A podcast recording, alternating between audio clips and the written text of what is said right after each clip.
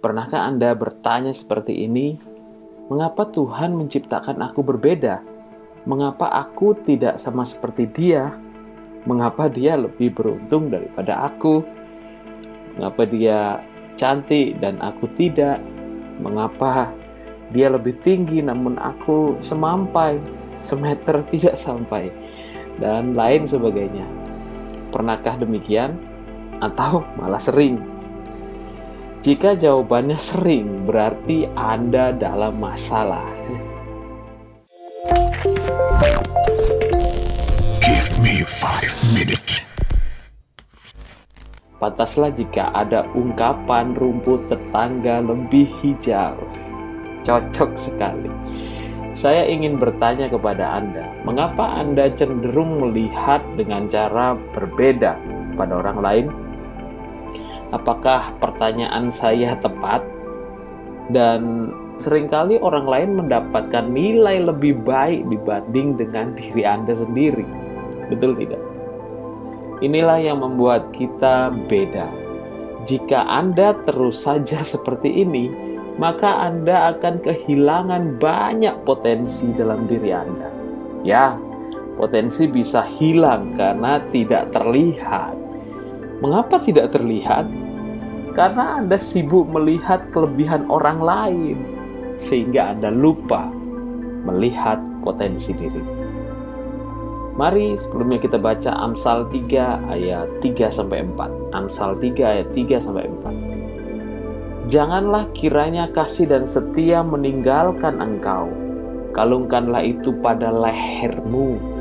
Tuliskanlah itu pada loh hatimu maka engkau akan mendapat kasih dan penghargaan dalam pandangan Allah serta manusia.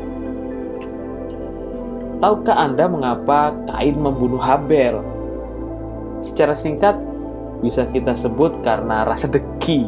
Persembahan Habel diterima Tuhan, sedangkan Kain tidak. Sebenarnya hanya masalah perasaan sih. Kenapa Anda merasa orang lain lebih baik ketimbang diri Anda. Ya, sekali lagi hanya masalah perasaan.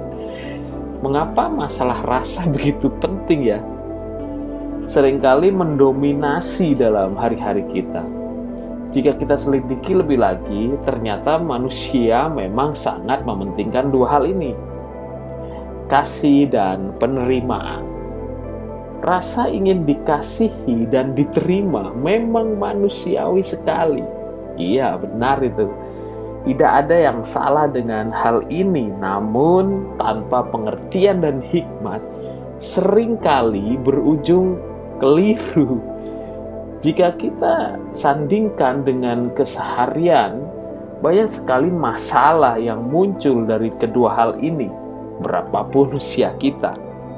Anak merasa tidak dihargai orang tua, orang tua merasa tidak dihormati anak, di kantor merasa dipandang sebelah mata, pimpinan tidak dihargai bawahan, guru merasa diabaikan murid, dan lain sebagainya. Banyak sekali masalah itu. Pusing sekali mendengarnya, gegara tidak mendapat kasih dan penghargaan. Jadi harus bagaimana? Firman Tuhan mengatakan, "Janganlah kiranya kasih dan setia meninggalkan engkau."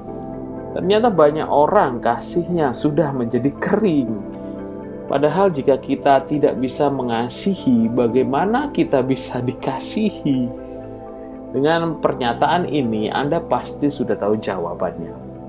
Manusia dalam natur dosanya memiliki satu sifat yang sangat egois, begitu mementingkan diri, penuntut dengan dosis tinggi dan nggak peduli dengan orang lain Mungkin Anda tidak seperti ini ya, namun pada umumnya begitu. Dan pada satu titik manusia sebaik apa pun jika tanpa Tuhan akan mengerjakan hal yang sama. Jadi ya jatuhnya sama. Orang yang tidak memiliki kasih dalam hatinya, mana mungkin bisa setia? Betul tidak? Orang bilang udah nggak ada cinta.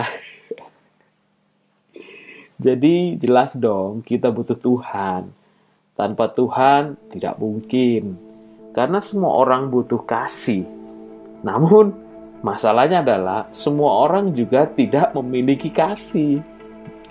Seorang akan yang lain tidak akan dapat saling memberi. Kasih tidak akan ada di bumi ini tanpa Tuhan. Ya, kalau Allah tidak mempedulikan dunia ini, habislah kita. Tapi puji nama Tuhan, kasih adalah nama lain Allah kita. Dia eksis dan bertindak. Dia nyata ada di tengah-tengah kita. Oleh sebab itu ada firman, ada kebenaran, ada umat pilihan, ada yang namanya anak Tuhan, dan ada iman. Ini semua bukti kasih Tuhan kepada kita. Jadi bagaimana? Apakah Anda akan menerima Kristus dalam hati Anda untuk menjadi Tuhan dalam kehidupan Anda? Jika Anda haus, Anda akan minum. Jika Anda butuh kasih, datanglah kepada Kristus. Ia akan melepaskan dahaga Anda. Dan ia berkata jika minum daripadanya, maka Anda tidak akan haus lagi karena Kristus tinggal dalam hidup Anda menjadi sumber mata air yang tidak akan kering sepanjang musim. Anda akan berlimpah dengan kasih sehingga Anda dapat membagi-bagikannya kepada orang lain. Nah, inilah cara kerja Allah dalam memberi kasih kepada dunia, yaitu melalui Anda. Ya, melalui Anda. Karena Kristus tinggal dalam hidup Anda.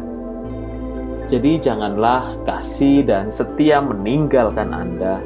Kalungkanlah itu pada leher Anda dan ukirlah dalam hati Anda agar ke mana pun Anda pergi Anda membawanya serta dan masa apa pun yang Anda lalui tidak akan hilang oleh waktu. Maka Anda akan mendapat kasih dan penghargaan dalam pemandangan Allah serta manusia. Tetap kuat dan Tuhan Yesus memberkati Anda.